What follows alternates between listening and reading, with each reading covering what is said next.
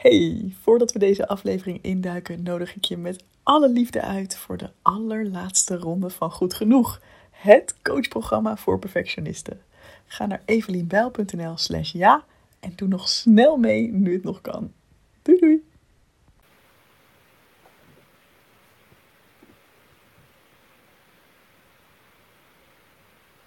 Ja, welkom bij deze nieuwe podcast. Ik zit hier vandaag met Erna Snelle van Praktijk Liefdespijn. En ik kwam Erna op het pad toen ik zelf een beetje op zoek was naar antwoorden. Liefdespijn is iets wat ik heel erg herken uit mijn verleden met name. En Ehm, ik vond dat jij Erna zulke mooie dingen op je site schreef en zulke mooie dingen ook in jouw e-book en in jouw boek, dat ik dacht, hoe leuk en hoe waardevol om jou uit te nodigen. Dus van harte welkom in de Perfectionisme podcast. Ja, dankjewel Evelien. Superleuk om, uh, om hier te zijn. Ja, heel leuk. Geweldig dat je hier tijd voor wilde maken. Um, eigenlijk wil ik meteen het diepe induiken, want jij hebt dus praktijk liefdespijn. En we gaan het zo onder andere hebben over relatieverslaving, codependentie, hè, wat je in het Engels codependence noemt, en verlatingsangst. Ja. Maar voordat we daarin gaan duiken, jij bent dit niet voor niks gaan doen, hè? Jij hebt echt zelf een verhaal hierin, hè? Zou je ons daar iets in willen meenemen? Ja, zeker. Ja, ik heb... Um...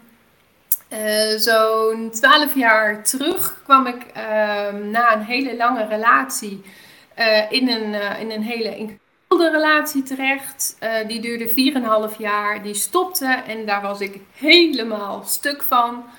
Um, en eigenlijk probeerde ik dat toen op te lossen door maar snel in een volgende relatie te stappen. En om die manier, ja, om eigenlijk niet de pijn te voelen die ik op dat moment had.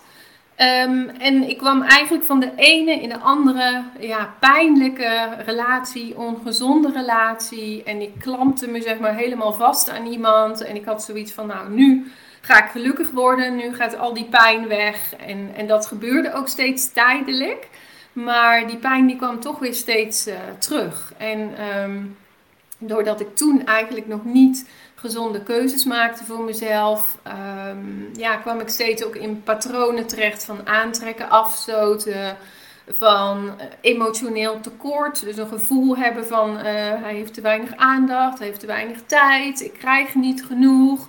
En eigenlijk projecteerde ik dat allemaal op mezelf. Van, hey, ik was, dat lag allemaal aan mij. Ik vroeg te veel, ik wilde te veel. Dat kreeg ik ook steeds te horen van mannen. Um, ja, en uiteindelijk liepen al die relaties stuk. En, Mag ik wat vragen? Ja. Dus ja. je zei, hè, want dit is denk ik een heel herkenbaar thema voor veel uh, mensen. Dus je wilde te veel, je vroeg te veel. Om wat voor dingen ging dat bijvoorbeeld concreet? Um, ja, dat ging vooral om, om aandacht en bevestiging. Um, ik wilde het liefst de hele dag horen van je bent leuk, je bent uh, lief, je bent, uh, hè, ik wil met jou zijn, ik hou van jou. Echt om die ja, bevestiging die je kunt willen en zoeken in een, in een relatie. En dat was heel vaak uh, um, ja, toch niet genoeg. Zeg maar. Dat ik het gevoel had, die ander die geeft mij niet genoeg.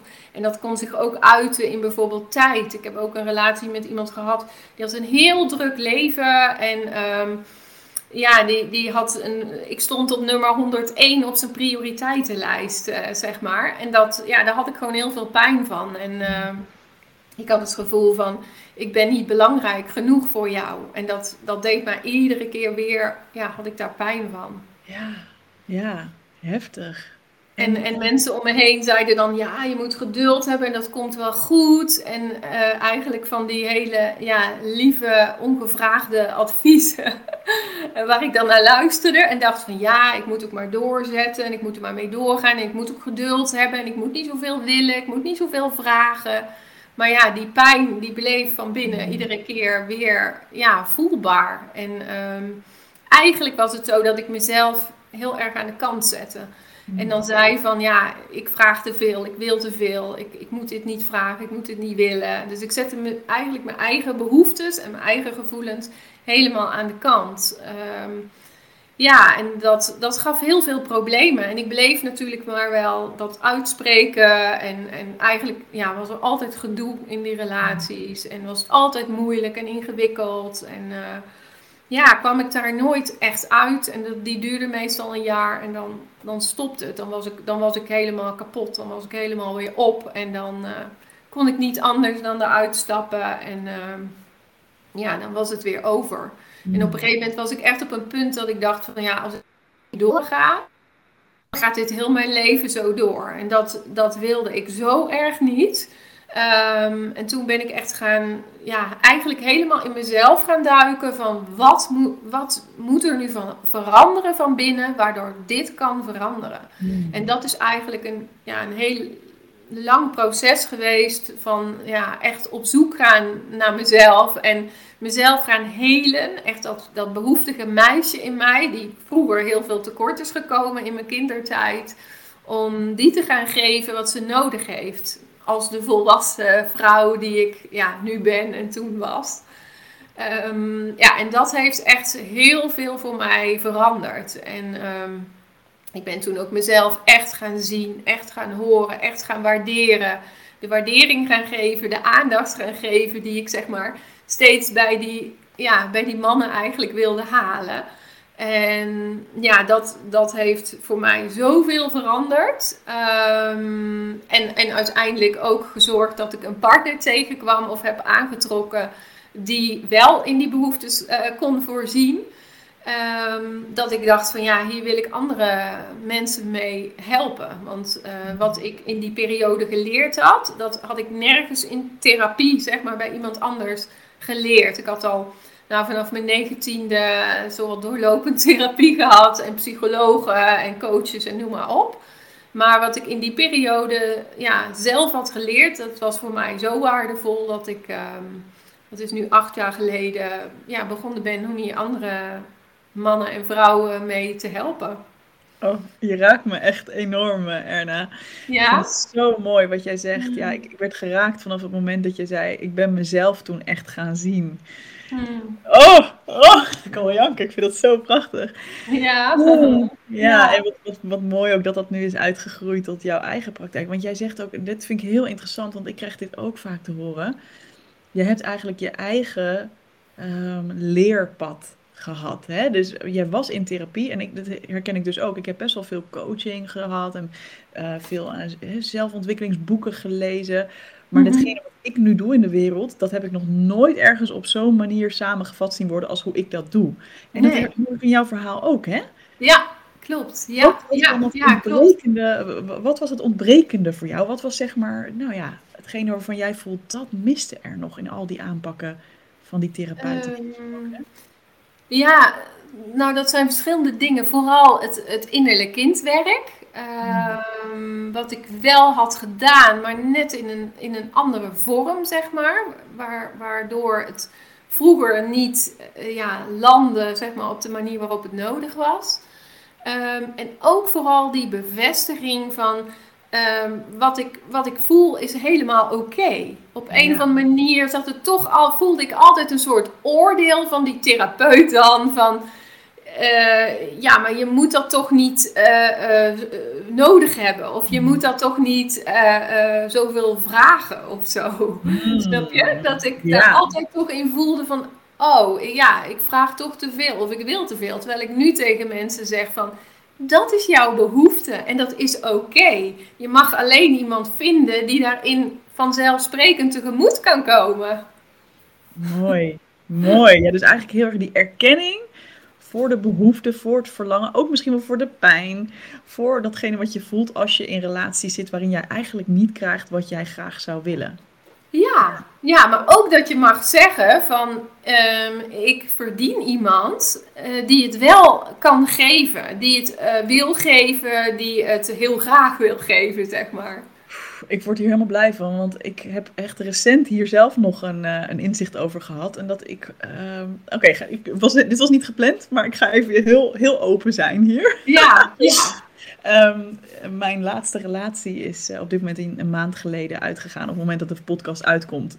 Dus langer geleden. Ja. Um, en daarin, want ik heb al best wel veel werk gedaan ook op dit gebied hè, van uh, innerlijk kind helen. En nou ja, tenminste, um, verlatingsangst zien in mezelf. En daar nou ja, meer mezelf bevestiging geven, zelfliefde. Nou, daar ben ik hartstikke ver in. En toch kwam ook in deze relatie een punt dat ik het gevoel had van... hey, ik heb een bepaalde behoefte, die spreek ik uit en die wordt niet uh, beantwoord. de ander reageert daar niet op. En ehm, dat ik toch weer even begon te twijfelen van, oh, maar wil ik dan te veel? Dus dat ik toch weer even aan mijn eigen behoefte begon te twijfelen van, oh, maar dan misschien moet ik nog wat meer aan zelfontwikkeling doen. Misschien moet ik nog wat oh, verder komen. En de verlatingsangst, dat ik die helemaal nooit meer voel. En toen heb ik een boek gelezen, Hou me vast, van Sue Johnson. Ja. Die ja, ken je ook, hè? Ja. En, ehm, en daarin stond ook heel mooi van, ja, wat is het toch voor geks dat wij... En dat, mijn ex-vriend gaf me dat idee ook wel een klein beetje op dat moment, hoor. Dat ik inderdaad een beetje te veel vroeg. En, maar in dat boek van Sue Johnson stond... Wat is dat toch voor geks dat als een babytje huilt, dat wij allemaal het meteen zullen knuffelen en omarmen en het helemaal normaal vinden dat het liefde en zorg en aandacht nodig heeft. Maar bij volwassenen hebben we ineens het beeld van nee, maar dan moet je het allemaal maar zelf kunnen doen. Jij, moet, jij moet de ander totaal niet nodig hebben. Jij moet volledig onafhankelijk zijn. Je moet geen enkele bevestiging nodig hebben. En dat is gewoon niet waar. Wij hebben dat nodig als mensen, toch? Ja, ja, zeker. Ja. ja, alleen is het, is het het probleem. Kijk, als je daar een uh, een tekort zeg maar hebt, dat je vaak aangetrokken wordt tot partners die uh, wat meer aan die andere kant van het spectrum zitten. Dus hè, die, als je, ik, ik ga het even nu heel zwart-wit, als je meer aan de kant zit van de verlatingsangst, dan voel je je aangetrokken tot partners die meer aan die kant zitten van de bindingsangst. Ja. En dat trekt elkaar heel erg aan als een soort magneten. Maar dat zorgt er dus ook voor dat die pijn als het ware extra getriggerd wordt. En um, Um, daar, daar, zitten dus twee kanten aan. Van, hè, dat je allereerst mag zorgen dat, dat je een partner kiest die, waarbij je wat minder steeds in die pijn getriggerd wordt. En het andere stuk is dat je um, ja, ook leert zien van is dit zeg maar te ver af van mijn behoeften? Um, of is dit nog, ja, kunnen we hier samen aan werken, zeg maar, om dichter bij elkaar te komen? En, maar daar moet, heeft die andere ook een rol in. Die moet dat erkennen ook. Van oké, ik erken hè, dat, jij, dat jij te weinig krijgt. En ben ik bereid om hier stappen in te zetten, om hier dingen in te doen, om tegemoet te komen aan jouw behoeften.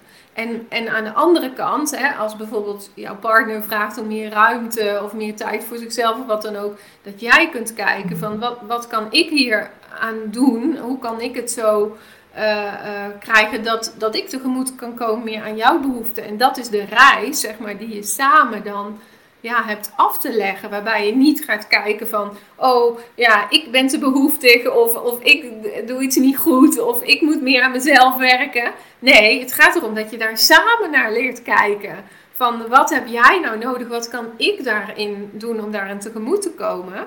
Uh, natuurlijk kun je daar ook zelf, maar zoals ik jou ken, ben jij ook iemand die enorm eh, naar zichzelf kijkt en naar zichzelf werkt. En, maar is juist de, denk ik, de grootste uh, uitdaging dan om dat samen te gaan doen, om samen daarin een weg te vinden.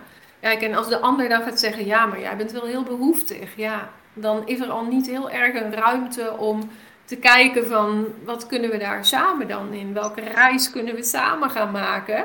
Om te gaan zorgen dat we allebei krijgen waar we behoefte aan hebben. En je kunt dat waarschijnlijk nooit helemaal, uh, ja, zeg maar 100% krijgen. Maar als het maar iets meer naar elkaar toe kan, dat die pijn, zeg maar, ja, niet meer zo, zo heftig steeds getriggerd wordt en voelbaar is. Precies, precies. Dus Heel mooi. Over, uh, als het over relaties gaat. En dat we, ik zie vooral heel veel bij vrouwen, heb ik zelf ook heel lang gedaan, van uh, oh, maar ja, ik moet me aanpassen. Ik moet aan mezelf werken. Ik moet, ik moet van alles. Maar kijk ook eens naar die ander. Hè? Wat, wat, wat mag je daar samen in, in doen? En wat mag je ook van de ander vragen? Want daarin zijn we vaak heel bescheiden. Van, we kunnen het misschien dan wel, wel uitspreken. Maar om dan te zeggen van ja, hallo, maar ja, dit is toch echt wat ik nodig heb. En uh, ja, wat gaan we hier aan doen? Om ook een stuk verantwoordelijkheid bij die ander neer te leggen. En dat is vaak, ja, dat, dat heb ik in mijn eigen therapie ook gemist. Hè? Dat iemand zei van ja, maar daar mag je ook iets neerleggen. Hè? Het was alleen maar, en natuurlijk is het zo, je kunt alleen maar uh, jezelf veranderen, dat is ook zo. Maar aan de andere kant heb je ook samen, kun je dingen doen om het te kijken of je het kunt, uh, ja, kunt veranderen en oplossen. Heel lang antwoord. Nee, maar heel mooi, heel mooi. En het begint gewoon bij, bij het gesprek en dat, dat beide kanten daar dus voor openstaan. Hey, en um, ik ja. wilde graag hebben over um, relatieverslaving. Je noemde al even kort iets. Hè. Is, dat, is dat inderdaad wat jij net zei over van nou ja, je duikt maar weer in de volgende relatie, want je wil de pijn niet voelen? Ja. ja, dat is, relatieverslaving is eigenlijk heel erg breed. En eigenlijk zijn het, zou je kunnen zeggen, allemaal ja, ongezonde patronen die uh, voortkomen uh, in en door relaties. Um, die eigenlijk, um, ja, laat ik zeggen, een, een ondergrond hebben van, van, ja, van pijn, van verdriet, van onverwerkte gevoelens en emoties. En die je eigenlijk op een ja, op een ongezonde manier aan het, uh, um, ja, aan het afdekken bent. Zo kan ik het het beste zeggen. En dat kan zich uiten in steeds in de nieuwe relatie stappen. Het kan ook zijn dat je uh, steeds aangetrokken wordt tot emotioneel onbeschikbare partners. Um, ja, het kan zijn dat je verlatingsangst hebt, bindingsangst. Het is eigenlijk een, ja, een, een heel breed spectrum. Maar het komt erop neer is dat je dus um, ja, uiteindelijk emotioneel uh, niet, niet een gelijkwaardige relatie hebben die echt gezond is. Um, of hè, je kunt ook relatieverslaafd zijn als je alleen bent, maar dat, dat daar zo'n, dat je bijvoorbeeld als je alleen bent dat heel pijnlijk vindt of dat heel moeilijk vindt. Dat had ik zelf uh, vroeger altijd. Dat is ook een vorm van relatieverslaving. Dus dat je je ja, emotioneel niet eh, ja, heel voelt of niet goed voelt met jezelf. Uh, en, en, dan maar weer ja, iemand gaat zoeken of zo snel mogelijk een nieuwe partner wil om maar die pijn af te dekken die er eigenlijk van binnen, die er van binnen zit. En als iemand dat heeft, ehm, wat zou dan een eerste stapje kunnen zijn om daarmee om te gaan? Dus bijvoorbeeld, je luistert nu naar deze podcast en je denkt inderdaad van, oh, dit doe ik inderdaad ook. En als ik even alleen ben, dan voelt het zo pijnlijk dat ik eigenlijk gewoon daarvan wil wegvluchten. Of uh, hè, dat, ik kan het bijna niet aan. Wat mhm. zou een mooie eerste stap daarin kunnen zijn? Um, ja, een, een, mooie eerste stap is, kijk, het is natuurlijk al heel, heel goed als je het van jezelf uh, ziet hè, en weet. Um, het beste wat je kunt doen is, is erbij stil gaan staan. Wat is nou die pijn die ik voel? Wat gebeurt er dan met mij? En, uh, en dat kan heel heftig zijn. Hè? Ik, als ik naar mezelf kijk, voor, ik ging dood. Ja, zo, het voelde voor mij als doodgaan als ik alleen was. Echt heel Herkenbaar. heftig. Ja hoor. Ja? Ja. ja.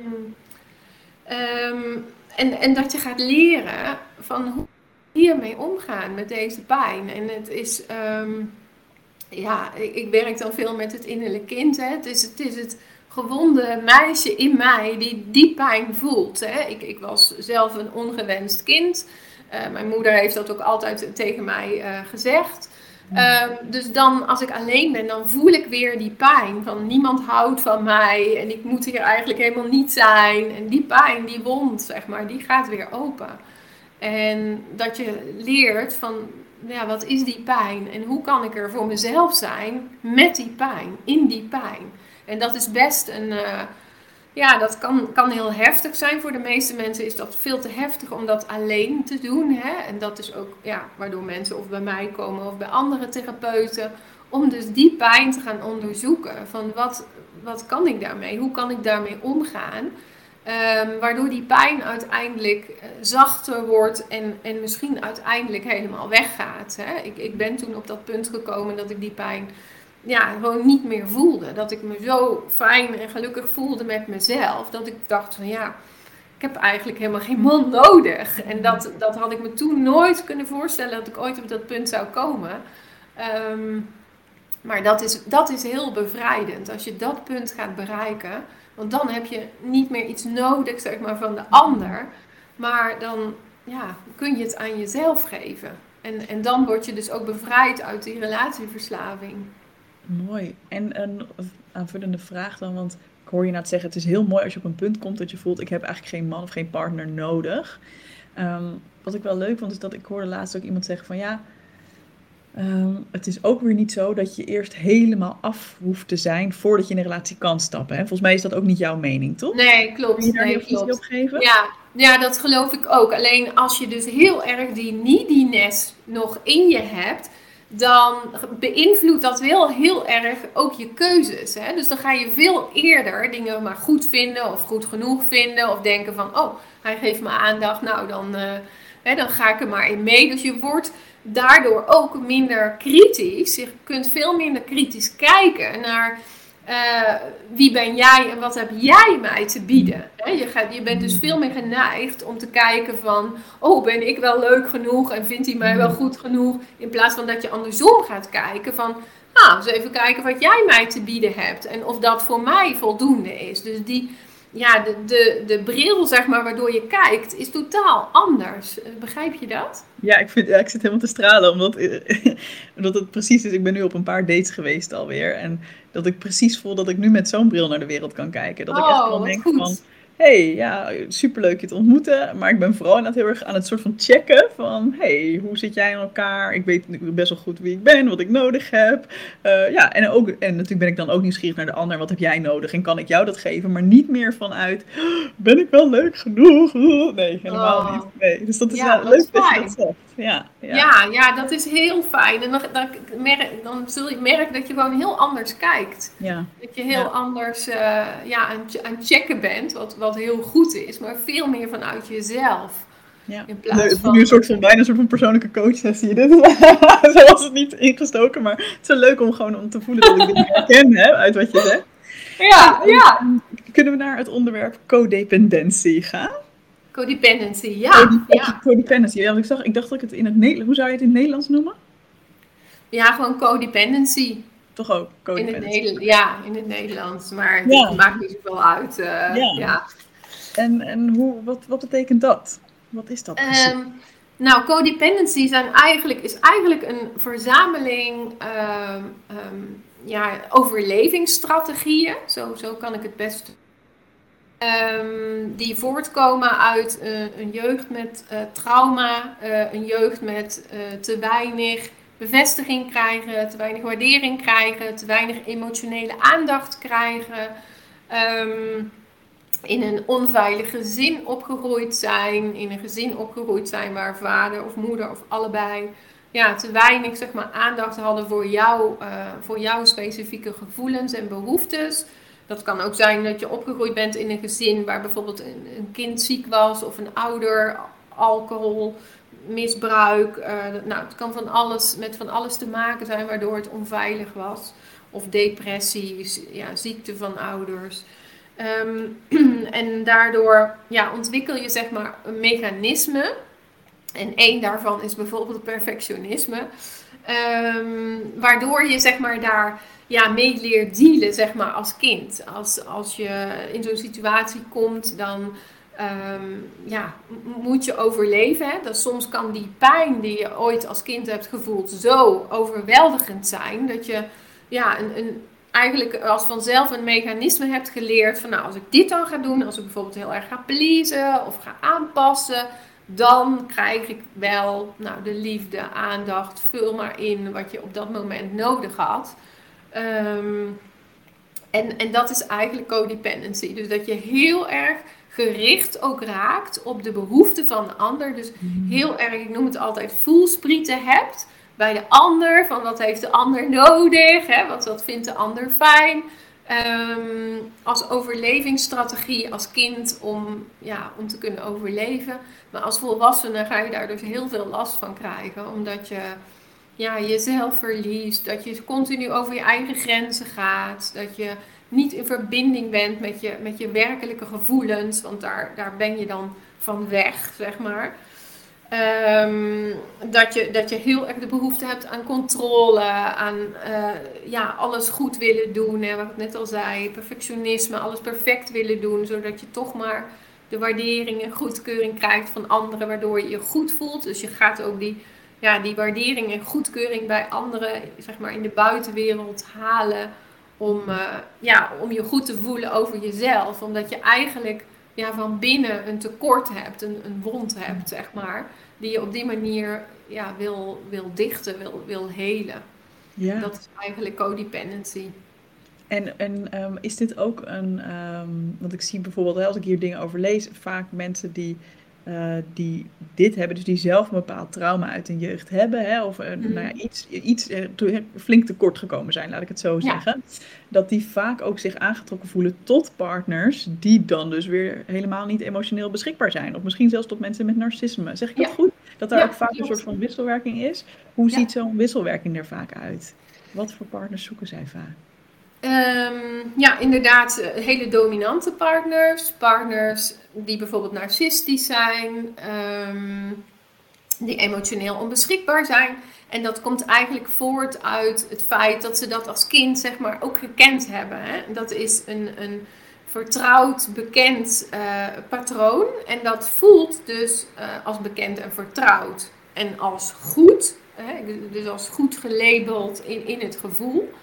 Um, maar um, dat, dat is het dus niet. Want eigenlijk wordt die wond weer opengemaakt zeg maar, van dat tekort.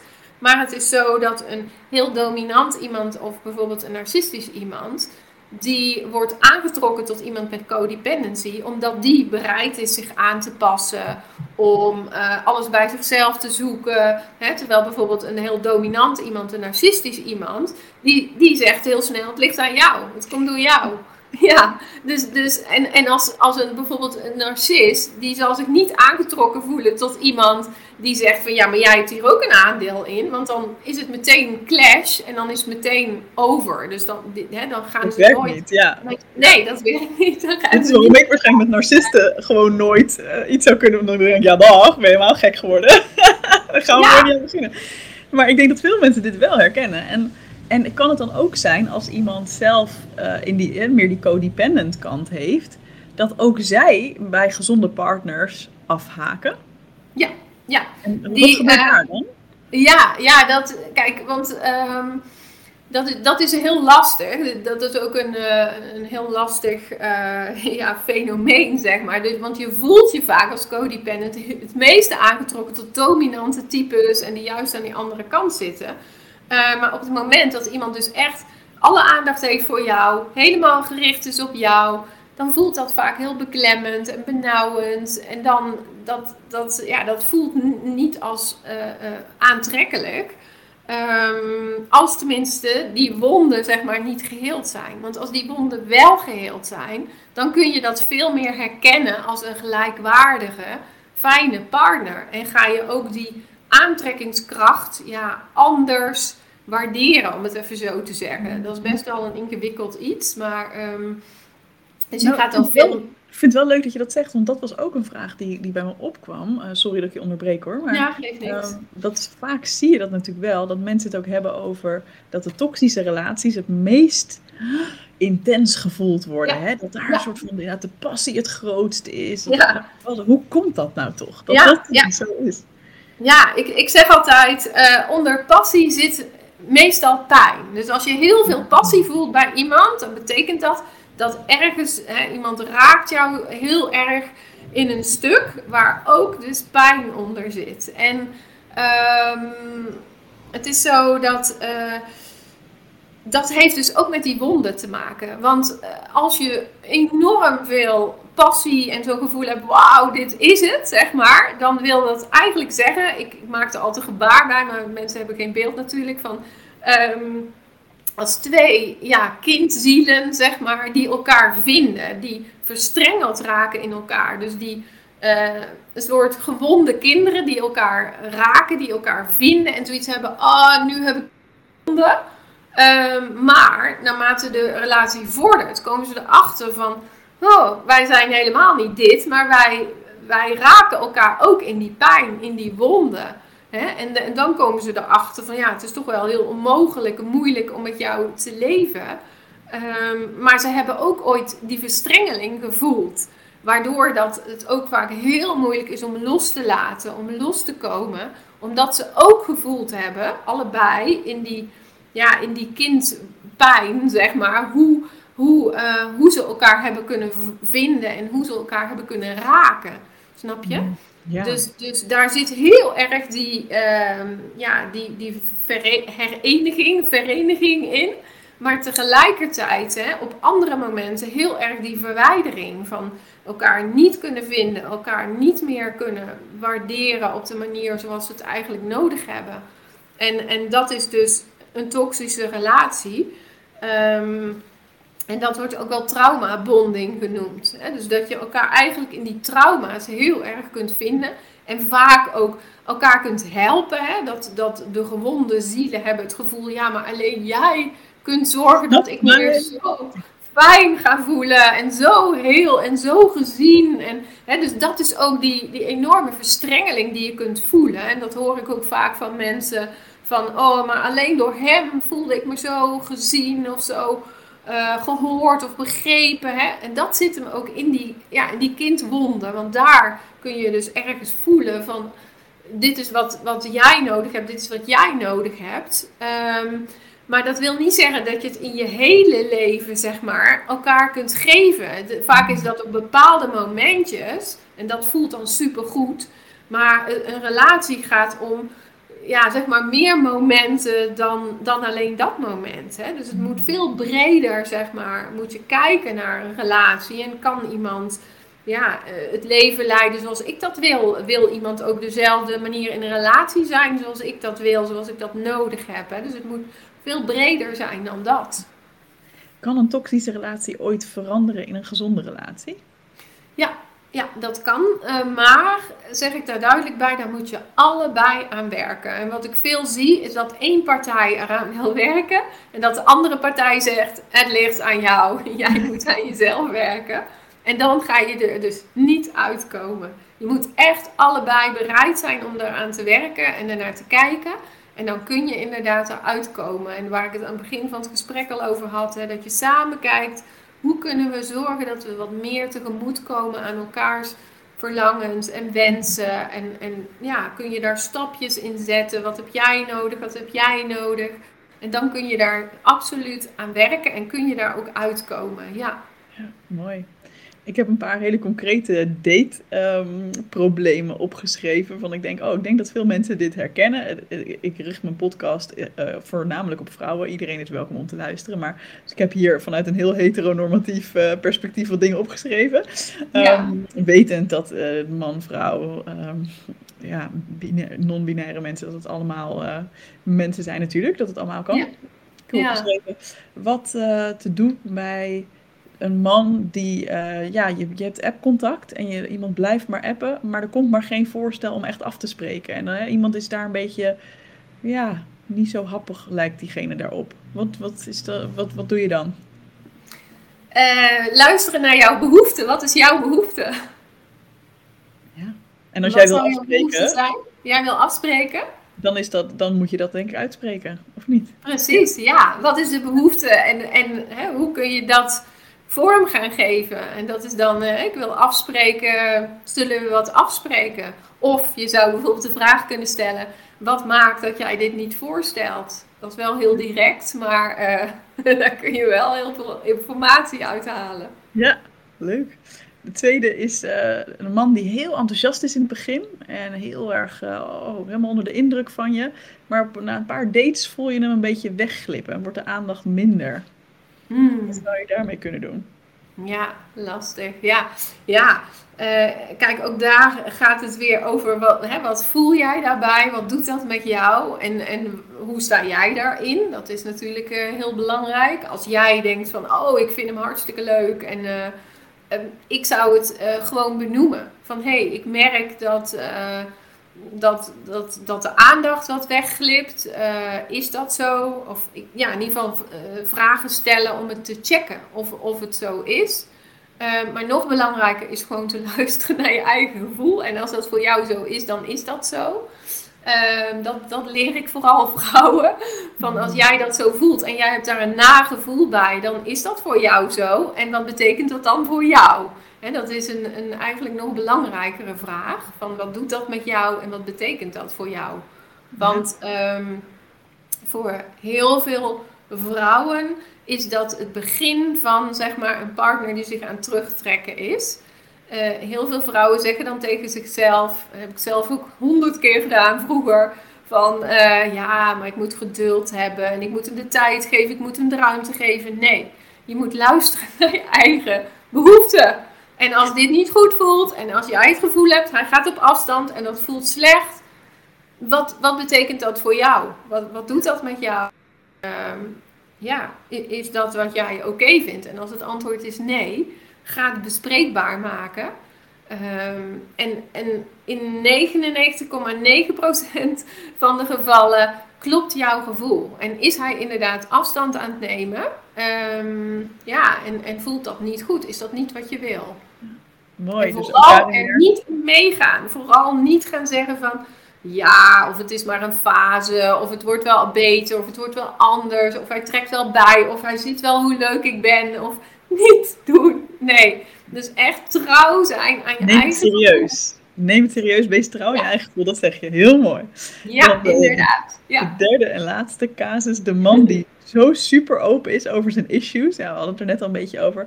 En dat je denkt, oh wat mooi die kwetsbaarheid. Maar dat je ook voelt van, oh hier is wel een beetje een risicootje dat ik ga redden. Hè? En dat ik me hmm. speciaal voel, dat ik die ander, hè, dat ik dingen voor die ander kan oplossen. En dat ik zo'n rots in de branding kan zijn. Wat als je hmm. dat voelt gebeuren in een relatie? Ja, kijk, um, uh, allereerst belangrijk van wat voel jij daarbij weer, die vraag hè, van de rots in de branding. Um, dat is natuurlijk in rots in de branding is enorm uh, gevaar om in een ongelijkwaardige relatie terecht te komen. Um, om inderdaad zeg maar de redder te worden, de helper te worden, de sterker te worden, de krachtiger te worden. Terwijl je dan niet ja, voelt dat die ander gelijkwaardig daarin is. En als jij is steun of hulp of kracht nodig hebt, dat, uh, dat, dat de ander er dan niet is of niet voldoende voor je is. Dus als je weet dat dat een patroon is van jou, dan um, ja, zou ik zeggen, is dat wel een rode vlag. En um, iets om, om um, vooral bewust te zijn van wat er speelt. Eh, vooral bewust te zijn van je eigen rol. Welke rol wil ik hebben in een relatie uh, sowieso? Hè? Wil ik die helper zijn? Wil ik steeds die sterke zijn? Um, of kun je zeggen van oké, ik blijf uit die rol. En ik zeg op zo'n moment alleen van goh, wat vervelend voor je. Bijvoorbeeld van nou, wat, wat ga je hier aan doen? Of wat doe je hiermee? Of hè, om het volledig zeg maar bij de ander te laten. En niet in die rol te stappen van de helper of de, ja, de steuner, de krachten. Natuurlijk hè, is, het, is het belangrijk dat je er natuurlijk wel hè, iemand ziet en hoort. Maar uh, of je er iets mee hoeft of moet, dat is natuurlijk altijd de vraag. En zeker in zo'n fase. Dus um, wees er dan vooral bedacht op om niet in die rol te gaan, uh, terecht te gaan komen. Want voor je het weet, ja, kun je daar weer in, komen en in zitten in een rol waar je niet in wil zitten.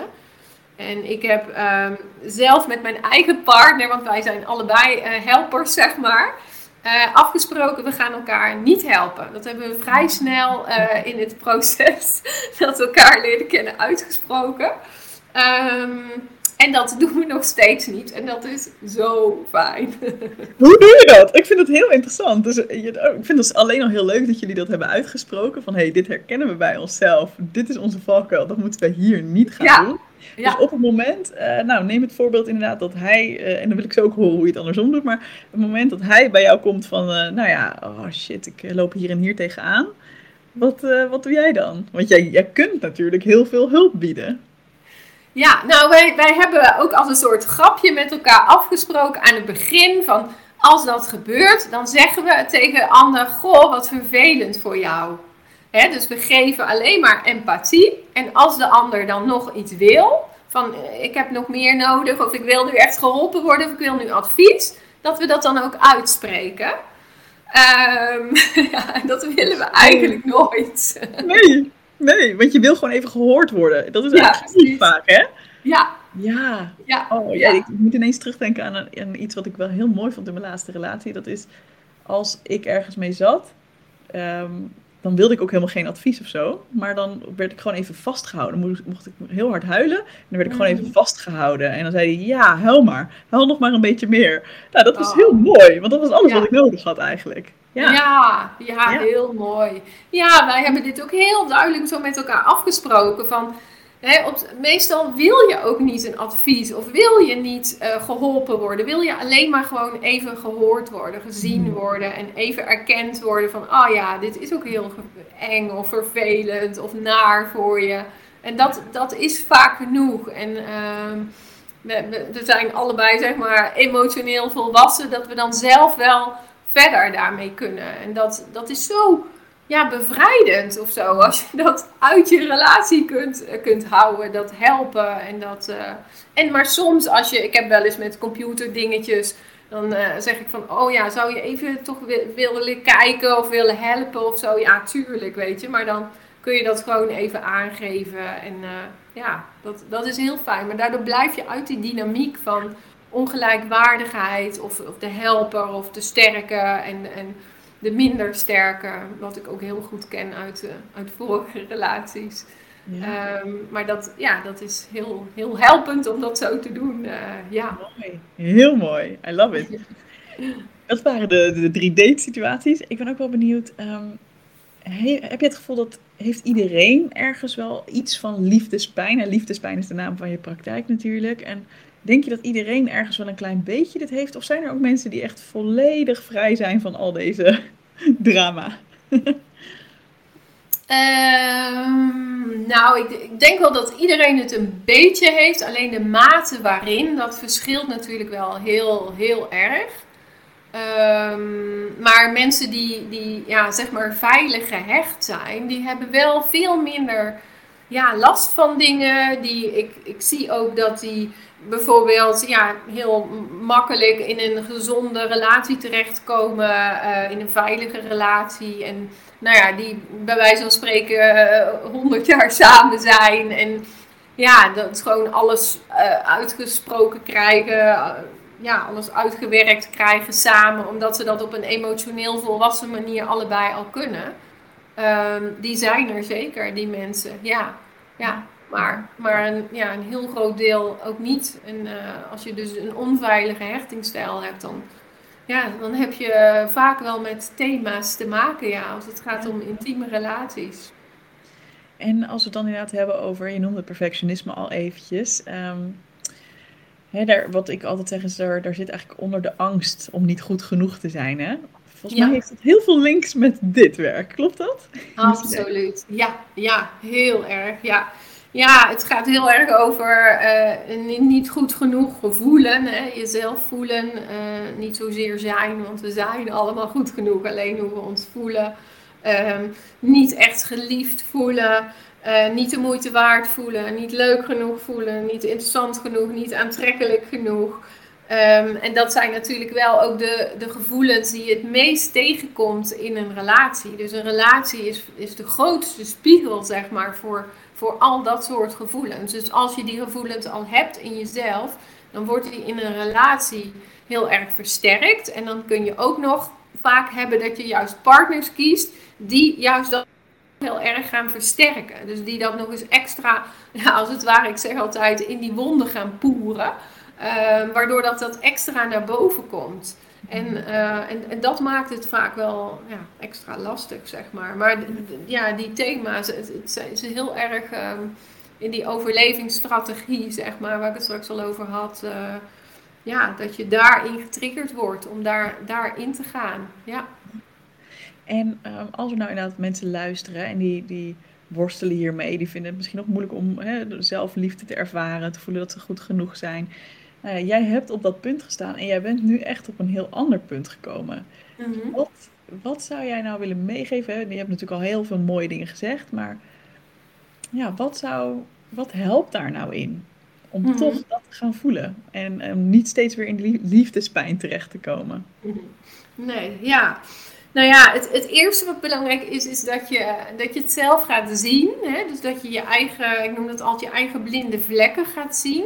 Dus, um, en, en gaat doorzien, dus bewust van worden van waar, waar kom ik nou steeds in terecht en, en waar heeft dat binnenin mij mee te maken. Hè? Dus wat, wat, wat is er in mij, zeg maar, wat geheeld mag worden, wat losgelaten mag worden om... Um, om hier stappen in, in te zetten.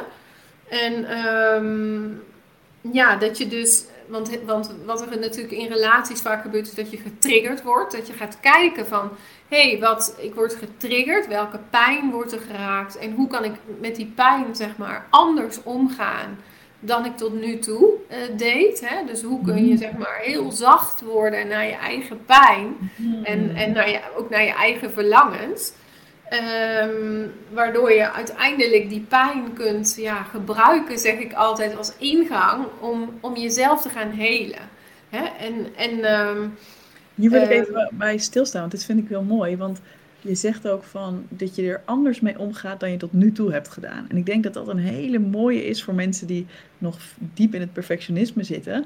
Wat ik mhm. denk dat daar vaak gebeurt. Ik ben benieuwd of je dat met me eens bent dat heb ik in ieder geval zelf zo ervaren, is dat die pijn die getriggerd werd, bijvoorbeeld in een beginnende relatie, uh, of een verder gevorderde relatie overigens, of als single zijn, hè, wat dan ook. Um, dat die pijn gebruikte ik vroeger als iets om mezelf ook nog om te veroordelen. Hè, dus dan, dan hmm. dacht ik, wat is er mis met mij? Dat het nu weer niet lukt op liefdesgebied? Wat is er mis met mij dat deze man mij niet leuk genoeg vindt? Wat is er mis met mij? Nou, noem het mm. allemaal maar op. Dus in, dan ging ik inderdaad dat rijtje af wat jij net zo mooi zei. Ik ben ook niet leuk genoeg, knap genoeg, mooi genoeg. Ik ben ook te behoeftig, dit, dat, dat. Ehm, ja.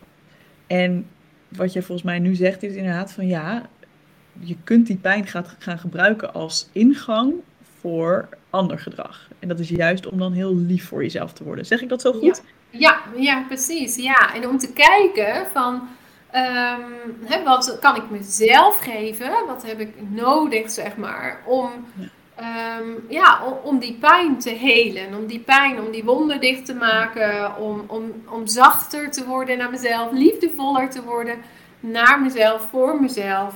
En wat zou dat ehm, kunnen zijn? Hè? Want ik kan me voorstellen dat er mensen nu luisteren die denken: ja, ja, dat is een goede vraag, maar wat zou ik nodig kunnen hebben? Ik, ik heb geen idee, dit is er altijd al geweest, weet je wel? Dat je een mm, beetje ja. paniek ja. raakt ervan. Ja. Um, ja, dat gaat meestal om liefde, aandacht, waardering, uh, bevestiging voor jezelf. Hoe geef jij jezelf dat bijvoorbeeld, als we het concreet maken? Um, nou, door, door iedere dag um, mezelf te zeggen wat ik allemaal goed heb gedaan. Dat ik, dat ik goed ben zoals ik ben. Uh, want dat was bij mij heel erg een thema van uh, nooit goed genoeg uh, zijn. Dat ik dat tegen mezelf zeg. Dat ik ook nog wel eens, komt niet veel voor hoor, maar ik had bijvoorbeeld mijn kleine meisje was, had heel erg behoefte aan vastgehouden worden dat ik dan gewoon in bed ga liggen bijvoorbeeld of onder de douche mezelf echt vasthouden. Van dat ik zeg, kom maar bij mij en je bent goed, je bent helemaal goed zoals je bent. Ehm, dat. En, en dat ik tegen mijn kleine meisje zeg dat ze gewoon helemaal goed is zoals ze is. En dat, ze dat, ook, dat ik dat helemaal kan voelen, zeg maar. Want het gaat echt om dat gevoelslevel, dat je dat kunt gaan bereiken. En, de, en als, als een wonde, zeg maar, opengemaakt worden, oude wonden dat ik dan ja, haar, mijn kleine meisje, kan geven wat ze dan nodig heeft. Ja, om weer zacht te worden, om weer uh, te voelen van, oh, ik ben gewoon oké zoals ik ben. Ook al vindt iemand mij niet leuk of niet knap of niet uh, lief hmm. genoeg, wat dan ook, maar ik ben oké. Ja, prachtig. En, en ik kan me zo voorstellen, als je dit nog niet veel met dit werk gedaan hebt, kan dit in het begin ongemakkelijk voelen. Dat herinner ik me nog van mijn eigen reis. Dat het in het hmm. begin heel ongemakkelijk voelt. Want je bent zo gewend jezelf af te wijzen, jezelf eh, met de grond gelijk te maken, hard voor jezelf te zijn. Dus de eerste keer dat je inderdaad überhaupt nadenkt over dat kleine kind in jou, dat kleine meisje in jou. Uh, en dat, dat je dan zacht voor jezelf moet zijn, kan je misschien denken: oh, dit voelt heel raar. Of heel, eh, ja, heel fout, misschien zelfs bijna. Ja, wat voor tips heb je daarvoor, Erna, als dat zo is? Ja, ja, vooral zoek een manier die bij jou past. Um, kijk, er zijn heel veel verschillende manieren. Er zijn boeken over geschreven. Um, ik denk dat dat heel belangrijk is. Dat je een manier vindt. Want sommige, bij sommige mensen, ja, die hebben zoveel weerstand bijvoorbeeld op dat innerlijk kindwerk. Uh, dan zeg ik soms van zoek naar een andere manier, bijvoorbeeld muziek. Hè, bepaalde muziek, dan zijn ze wel heel erg geraakt door bepaalde muziekstukken. Maar zoek een ingang om bij dat ja, gevoelige deel, zeg maar, bij je gevoel te kunnen komen, bij, bij, uh, ja, bij dat deel in jezelf wat, wat het meest gevoelig is. En, maar vind die ingang om daar te komen. En of zoek ja, hulp van iemand waarbij je het gevoel hebt, hey, die, die snapt het echt en, en waar je je fijn bij voelt. Zodat die ook met jou, ik heb ook mensen die, ja, die het heel eng vinden, heel spannend, want die voelen van oeh, daar, hè, maar daar zitten nog dingen, daar zitten bijvoorbeeld onverwerkte emoties of trauma's en, en dat begrijp ik ook heel goed, hè, dat is ook heel eng en spannend. Maar ja, het is fijn als je dan iemand hebt die met jou stapje voor stapje, en ik zeg ook altijd, we doen het rustig aan, ik volg heel erg waar jij bent, wat jij aan kunt en ik begeleid mensen ook echt ja, zeg maar stapje voor stapje daarin. En ook met die weerstand. Hè. Soms kan er opeens inderdaad weerstand komen. Of uh, mensen die dan zeggen van, ah, wat een zweverig gedoe of zo, weet je, dat is ook die weerstand. Ja. Um, dan zeg ik, spreek het uit, want dan kan ik er juist mee werken. En dan gaan we met de weerstand werken. En daar, om daar doorheen te komen. En zo, ja, stapje voor stapje kun je er ja, komen. En uh, ja, is het maar, maar is dat, dat wel het level, zeg maar, waar de echte heling uh, plaats kan vinden? Super. Erna, ik wil je ontzettend bedanken voor dit gesprek. Het was echt uh, mega, mega waardevol. En ik kan me zo voorstellen dat er nu mensen zitten luisteren die denken: Ah, ik wil meer over haar werk te weten komen. Waar kunnen ze dan terecht? Ja, nou, ik vond het, uh, daar wil ik even mee beginnen, ook super uh, interessant en leuk. En heel leuk dat je mij hebt, hebt uitgenodigd. En leuk om, om met jou ook daarover te hebben. En ook nou ja, wat persoonlijke thema's van jou nog te kunnen, erbij te kunnen halen en bespreken. Um, ja, ze kunnen dan best op mijn website, dat is www.liefdespijn.nl, kijken. Um, ik heb ook verschillende mogelijkheden, bijvoorbeeld een uh, zeven gratis tips die mensen kunnen downloaden.